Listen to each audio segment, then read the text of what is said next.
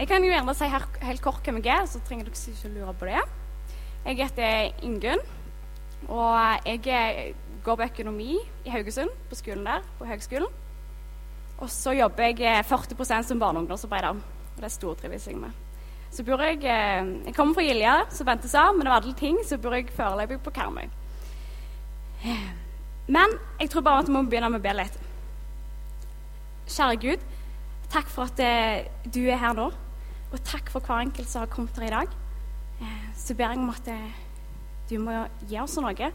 Så ber jeg om at du må eh, hjelpe meg å legge dine ord i min munn og ta kontroll over det jeg skal si. I Jesu navn. Amen. Hadde det ikke vært for at Jesus sine disipler for 2000 år siden For at de, for at de faktisk starta på noe, så hadde vi antagelig ikke vært her i dag.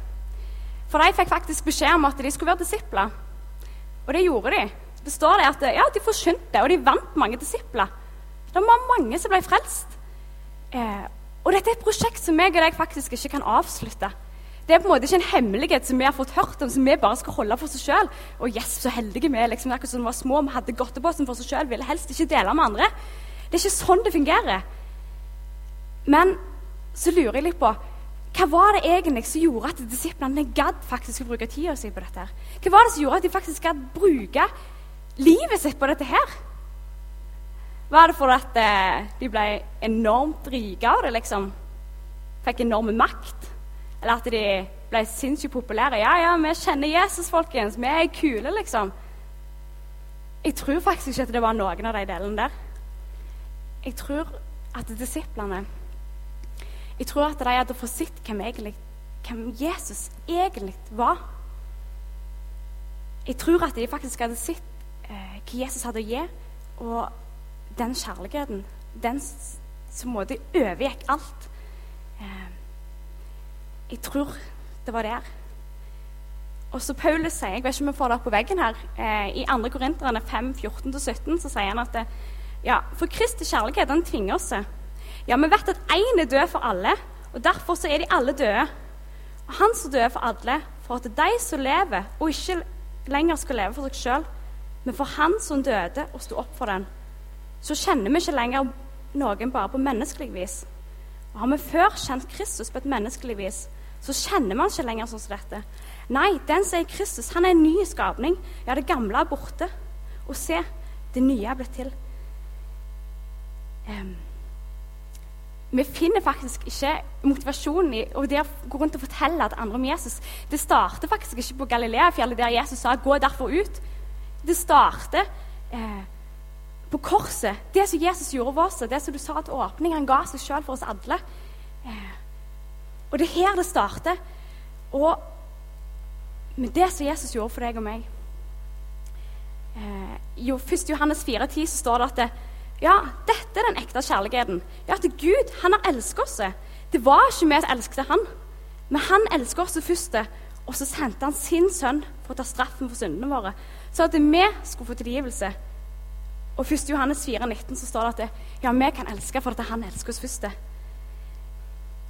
Det er som sagt her det starter. For at når vi ikke har noe, så kan samtidig, altså noe som du ikke har, kan du ikke gi videre til noen andre. Når du er tom for noe, så går det faktisk ikke an. Av og til så føler jeg at vi på en måte glemmer dette her. Eh, og hvis vi på en måte aldri mottar Guds kjærlighet, hvis vi aldri har fått noe fra Gud, så er det jo ganske logisk at nei, vi kan faktisk ikke gi det videre. Det går ikke, det. Og kan det være at faktisk, altså hemmeligheten med det å, det å elske andre, eh, det er først å ta imot sjøl. Først og fremst å ta imot. For vi kan jo ikke gi videre det som vi ikke har fått. Og jeg er sikker på at hvis vi lar det, hvis vi lar faktisk Gud fylle oss, så vil det etterlate oss og gi oss noe igjen så er verdt å gi videre til andre folk. Og det er det som skal drive oss, sånn som Paulus sier. Det er Jesus som skal drive oss. Det er det som han gjorde for oss. Og det utfordrer faktisk meg. Det utfordrer meg til å lære for han. Og det utfordrer meg til å ja, til å dele dette med andre. Um, jeg har egentlig vært ganske opptatt av dette temaet i de siste to åra. Jeg var først ettåring i Haugesund krets, og så er jeg nå ungdomsbarn og ungdomsarbeider. Og jeg har på en måte merka det så tydelig at det, ja, det, det, er her det begynner. Det er ikke noe jeg kan på en måte gjøre i meg sjøl. Og på, eh, på Bømlo, på plassen til Langevåg, så vi driver et ungdomsarbeid, der har vi tre fredager i måneden så har vi, ja, der vi har treff med andakt og litt lek og litt kos. Og så har vi ellers bibelgruppe og litt turer. Eh, og jeg ser på det så utrolig spennende arbeid, og jeg føler meg heldig som får lov å være med der. Men samtidig så har det mange ganger kanskje vært tøft. For at det, du Ja, jeg vet ikke hvordan jeg skal si det, men eh, jeg hadde ikke klart å være der hvis det ikke hadde vært for Gud. Hvis det ikke hadde vært for at det som Jesus har gjort, eh, så hadde jeg ikke klart å være der. For de gangene når ting går vilt for seg, når det fyker stoler, når det fyker bord, liksom Når de driter i den som har andakt, på en måte, og når de gjør narr av Jesus, liksom Og så skal du samtidig prøve å være interessert i dem og bry deg om dem liksom, og på en måte være god mot dem. Liksom, og, ja. Jeg hadde aldri klart det hvis ikke det hadde vært for det som Jesus har gjort. liksom. Um, og det har jeg fått erfare. Um, Lukas han forteller i, fra kapittel 7 i Lukas så snakker han om at ja, Jesus han har invitert til stort eller til, jeg vet ikke om det er stort, men det var iallfall et selskap, og Jesus var invitert der. Dette var eh, Simon invitert til selskap. Han var da en fariseer, og det var da mange flotte folk som da var invitert. Og Jesus han var en av dem. Eh, og, og, mens de sitter med dette bordet her, da, så kommer det inn ei dame. Og antagelig så er dette ei prostituert. Og jeg bare på en måte ser for meg ansiktet der de sitter flotte folk liksom, til bords. Eller de lå vel til bords, men uansett, liksom. Så kommer hun her dama inn, som antagelig er prostituerte. Og kanskje har hun kort skjørt sant, og dristig kledning, og hun kommer inn liksom der i dette her selskapet. Og så gjør hun noe som jeg syns er så snodig. Hun begynner å vaske føttene til Jesus. Men Simon, han som på en måte var den der han, eh, han som hadde invitert til selskap Jeg tror kanskje at han ble litt flau. Dette var liksom litt pinlig. Han hadde invitert til selskap, så kom det ei sånn ei dame inn. Og så Han bestemte seg faktisk fort for at Nei, dette her, dette her Jesus var iallfall ikke noen stor profet, eller noe sånt, for det, eh, da hadde han iallfall ikke godtatt at hun gjorde noe sånt som dette her. Så han bestemte seg fort for det, og ga tydelig beskjed om at dette her passer seg ikke.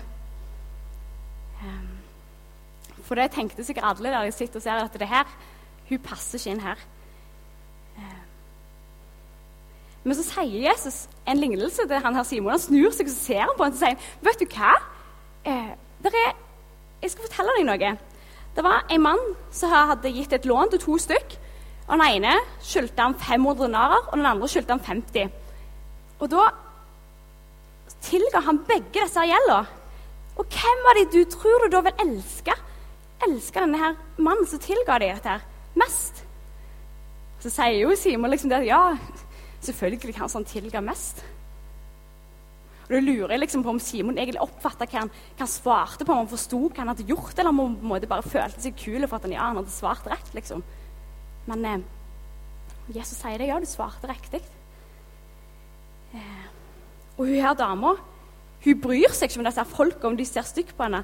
For samme hva de måtte mene, så lar hun ikke være å komme. Hun kom ikke for deres skyld, men hun kom for å møte Jesus. Hun har lyst til å vaske føttene til Jesus. Hun har ikke vann. Det står der at hun bruker tårene sine til å vaske føttene med Jesus.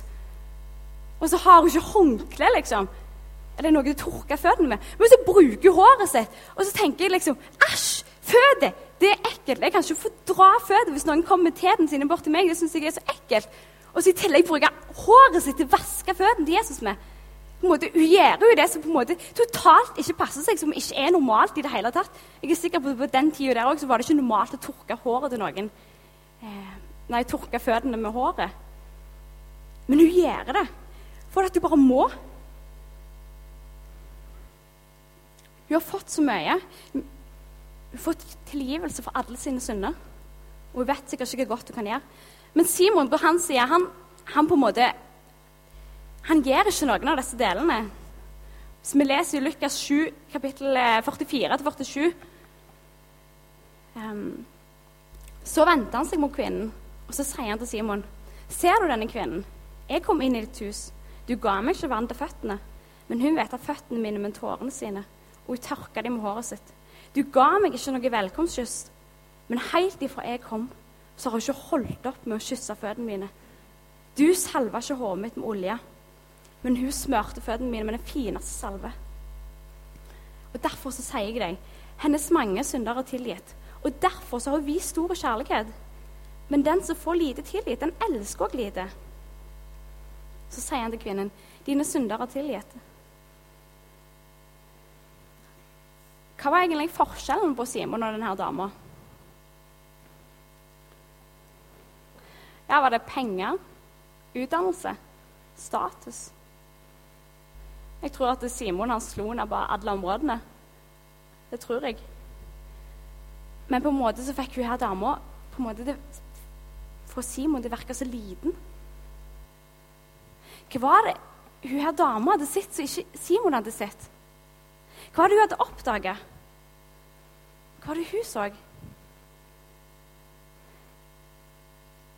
Jo, ganske enkelt. Hun så Guds kjærlighet. Det står ikke noe i Bibelen om når hun tok imot det, men tydeligvis har hun her dama fått smake på hva Gud har å gi. Og så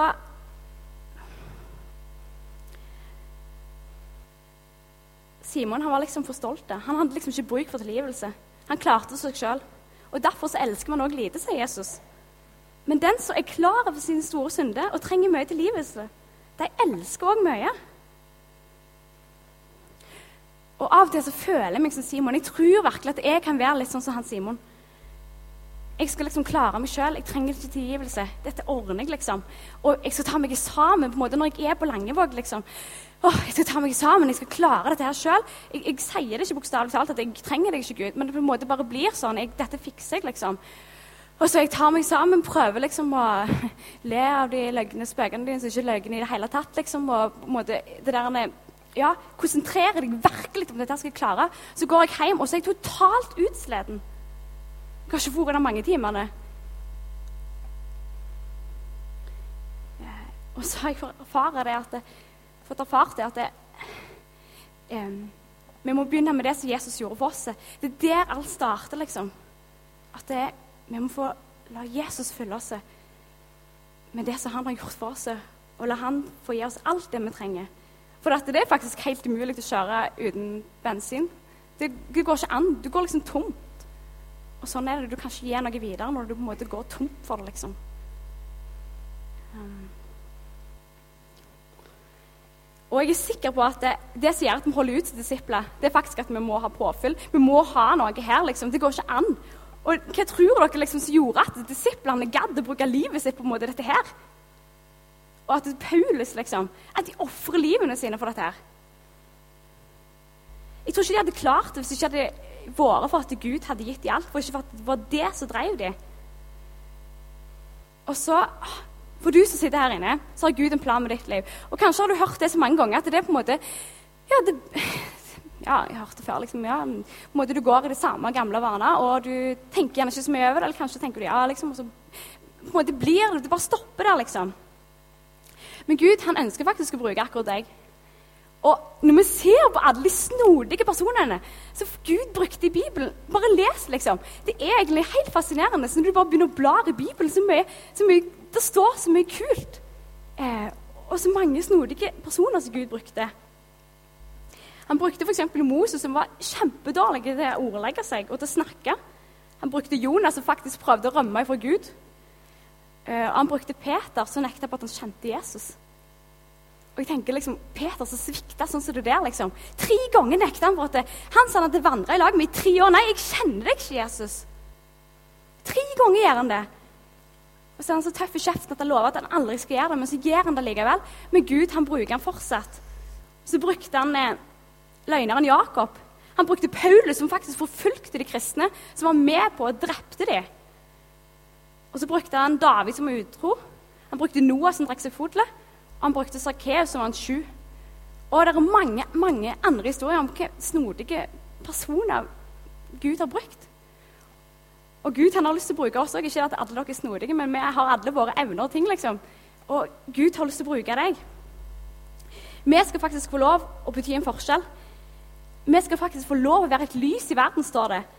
Eh, og det betyr ikke nødvendigvis at vi skal gå ut herifra og så bare rett ut på gata liksom, og snakke om Gud. Men på en måte leve sammen med Gud der vi er på jobb og på skole. Vi trenger kristne folk overalt. Folk som tror på Jesus, folk som har Jesus i hjertet sitt. Det trenger vi overalt. Gud trenger oss. Og så skal vi få lov å leve og så skal vi få lov å jobbe sammen med Gud. I 2. Korinterne 10,5 så står det i det vi river ned tankebygninger og enhver høyde som reiser seg mot kunnskapen om Gud. Altså, I lunsjpausen på jobb, kanskje, eller på skolen, så kan vi få lov å være med og rive ned tankebygninger. Ting som kanskje er feil om Gud. For folk har ofte feil oppfattelse om hvem Gud egentlig er. Sånn, de har hørt mye, kanskje de sitter på fjernsyn. På en måte, Ting stemmer ikke med det som står i Bibelen. Jeg har en lærer som siterer ting fra Bibelen på sånn hele veien, men det er jo helt feil. Og så gjør han narr av det. Um, og da kan vi på en måte få lov å være med på dette. at vet du hva, Det der stemmer ikke. Det er ikke det som står i Bibelen. Og så kan vi få lov å si, peke det på han.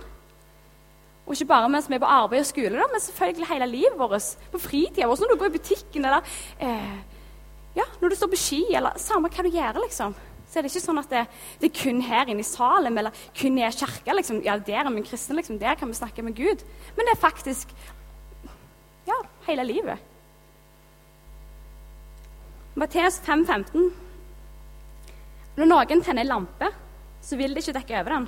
Og tvert imot så setter de den på et høyt sted, sånn at det lyser for alle i huset. Og på samme måte skal lyset for dere den skal skinne for alle menneskene. Og det er jo ganske logisk, for når vi har besøk, så tenner vi kanskje et lys. Og da pleier vi liksom ikke å sette et teppe over det, liksom, vi må skjule dette lyset så ingen skal se det.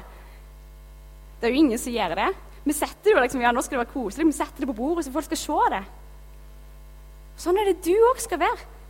Du skal være en sånn person som skal skinne fra, og som folk skal se. Du skal sette det høyt, på en måte. Og ikke skjule det. liksom, Holde det hemmelig. Ja, dette er for meg, liksom. Sitte under det teppet med lyset ditt. Yes, dette er for meg. Eh, det er ikke sånn det fungerer. Og Moses når han fikk beskjed Jeg, det, jeg har tenkt så mye på det siste. liksom. Ofte har du hørt dette på søndagsskolen at om Moses, liksom, han som leder Israels folk ut fra Egypt, så viste søndagsskolelæreren liksom, De gikk over Rødehavet, og så står man der på bildet sitt. Og så står det liksom gjerne en sånn to-tre folk liksom, som skal over.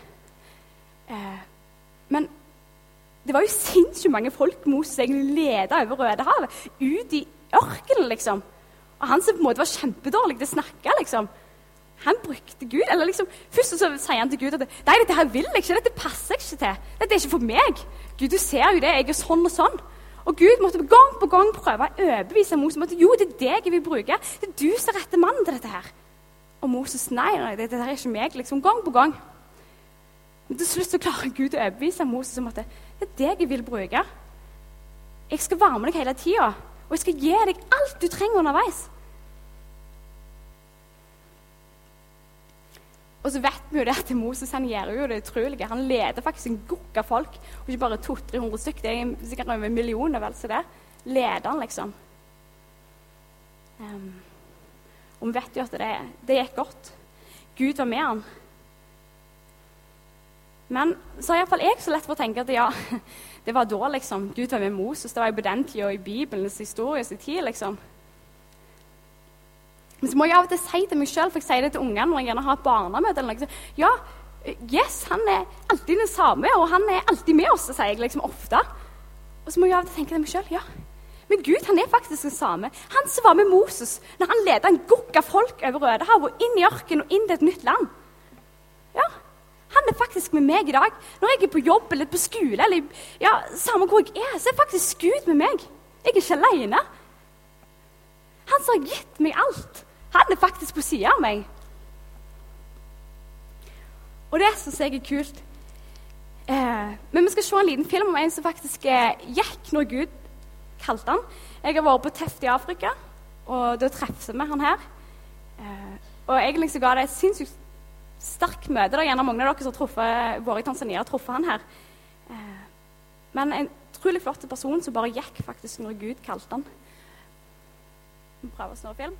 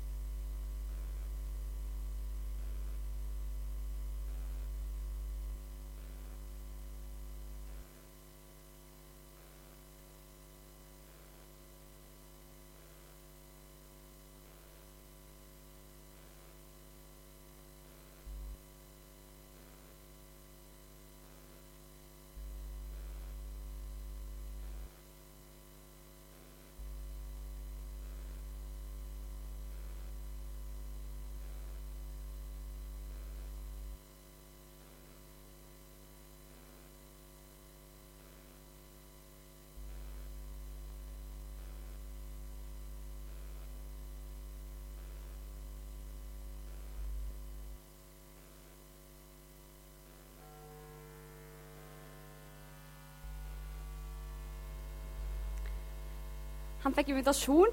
Eh, eh, de spurte ham om ja, har du lyst til å komme til Tanzania og være lærer. Og han hadde ikke lyst. Det passet seg ikke. på en måte. Det var ikke det han hadde tenkt. Eh, og så ser vi bare hvordan det la seg til rette for han, liksom. Og hvordan det ordna seg for han. Sånn som det ordna seg for personene i Bibelen, så ordna det seg for han. Um, og så sier han noe at det, når han fikk invitasjonen Han kunne jo han kunne ikke la være å be om det, han kunne ikke bare lukke det helt ute. Og det tror jeg han har ganske mye rett i. at det, Gjerne når vi får et spørsmål om noe, om noe som kanskje utfordrer oss, noe som gjør at vi faktisk må trå ut av den der sofaen vår som vi ligger i, og så at vi kanskje vurderer det, at vi kanskje faktisk ber over det, og hører hva Gud vil. Og Jeg tror det er så lett for å si at nei, det er ikke for meg, og så bare lener du deg tilbake der du sitter, du har det så godt. Um, og jeg synes det var utrolig det var bare, Dere skulle bare vært der han fortalte Nå sa han jo litt nå, liksom. Men alle historiene de har, og hvor meningsfullt de ser på den jobben som de gjør Han hadde god jobb, liksom, i USA. Så bare flytta han til Tanzania. liksom, Bor i ei rønne. Jeg har sett huset, liksom. Og, og ja Jeg syns det er kult. Uh, og det viser at Gud, han er med. Han er med i dag òg. Eh, og Jesus han har stilt opp for deg. Han har gitt deg alt. Og gjør det noe med deg? Utfordrer dette deg? Eller er det bare sånn at det, ja, du bryr deg egentlig ikke? Og en periode jeg gikk på Lundeset, så holdt vi på med misjonsprosjekt. Og det er jo lett for at det blir sånn som Drotting Borg skal gjøre nå. At du på en måte jobber, du skal få inn penger, og dette er bra, liksom, og du skal gjøre ditt og datt. Og så på en måte ble det, ble det veldig sånn at det, åh, Er det vits, liksom? husker jeg tenkte. Så var det ei som sa til meg at du, hvis det er én person på en måte som kommer til himmelen for enten at du har samlet noen penger eller sagt noe, eller vært på en eller annen måte vært med og pekt på livet ditt med Jesus, er det da verdt det? Jeg måtte tenke litt på det. Men ja, fy fillen, det er verdt det. Hvis det er kun én person som kommer til himmelen pga. noe jeg har sagt eller gjort, hvis det er noen som får et liv i lag med Jesus, ja, da er det pikene meg verdt det. Syns dere ikke det? Det syns iallfall jeg. Eh, og Galaterne 2,20 sier at det, ja, jeg lever ikke lenger sjøl, men Kristus han lever i meg. Det livet jeg nå lever, som menneske av kjøtt og blod, det lever jeg i troen på Guds sønn, som elsker meg og som ga seg sjøl for meg. Det lever jeg ikke for meg sjøl lenger, men jeg lever for Jesus. Og det er en generasjon som trenger Jesus. Vi vennene våre, familiene våre, naboene våre, de er rundt oss. Ehm, vi må leve med Jesus sånn at han kan få leve i oss og sånn at vi kan få lov å være det lyset som han vil at vi skal være. Um, og så må vi huske at det, det begynner med én ting, og det er det som Jesus gjorde for oss. Um, og det er her det begynner. Er du, faktisk, er du, klar til å leve med Jesus? For du kan faktisk risikere at folk ser merkelig på deg, at du får merkelige blikk. Jeg har iallfall opplevd det, liksom. Eh, jeg har jobba litt i SR-Bank når jeg har eh, hatt ferie litt i vinterferie. liksom forskjellige ting. Og så var det før jul, det var vel i fjor, så husker jeg at det, vi sto og snakket en morgen liksom, om jul. Liksom, og så var det ei som sa at jeg gleder meg ikke til jul. jeg syns ikke det er noen greier. Og så sa jeg hæ, syns du ikke det er noen greier med jul? liksom? tenkte jeg, oi. Um, Nei, hvorfor syns du det er noen greier med jul? Og jeg vet du begynte å ramse opp. Ja, vi får jo gaver, og så er det jo eh, god mat, vi har familie, vi har fri liksom fra jobb. Og så på en måte eh, visste jeg jo at jeg hadde glemt en ting. Jeg visste jo at jeg hadde glemt det aller viktigste. Så sto jeg liksom sånn eh, og, så, og så er det jo Jesus, da, liksom. Klarte jeg på en måte så vidt å på en måte få fram det. Det var liksom litt sånn eh, Jeg kjente at jeg skalv, vet du. Det var liksom ikke det jeg hadde egentlig lyst til å si, men så visste jeg at oh, jeg må jo si noe òg, liksom. Det nytta ikke bare å stå sånn og snakke. Og gjorde det. Og så får jeg på en måte samtidig det der OK, er du en sånn, liksom? Og da, da, føler du deg faktisk ikke så høy i hatten liksom, når du står der. Du på en måte endelig Ja, du har klart å få fram Ja, og så er det jo Jesus, liksom. Og så på en måte ser de bare sånn som det der på deg. Og så Ja. Og du føler deg dum. Men så vet vi at Gud, han er med. Um, I Matteus 5, 15, 18, 15, 8 så står det at dette folket de ærer meg med lippene sine, men hjertene deres er langt vekke. Og det er så lett å være stor i ord og liten på jord. sant? Vi sier noe, men så mener vi på noe helt annet. Vi oppfører oss ikke deretter som vi gjerne etter sånn som vi sier det vi skal. liksom, oh, nå skal du virkelig ta deg sammen. Sant? Eh, og så mener vi det egentlig ikke. Altså Naboen din, folk rundt deg, de merker faktisk ikke en døyt av kristenlivet ditt. De ser ingenting til det. Det ble liksom bare med det. Det stoppet liksom med de målene, og visjonene.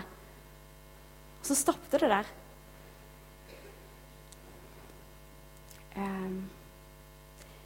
I dag så er det mange som ikke kjenner Jesus, som jeg sa.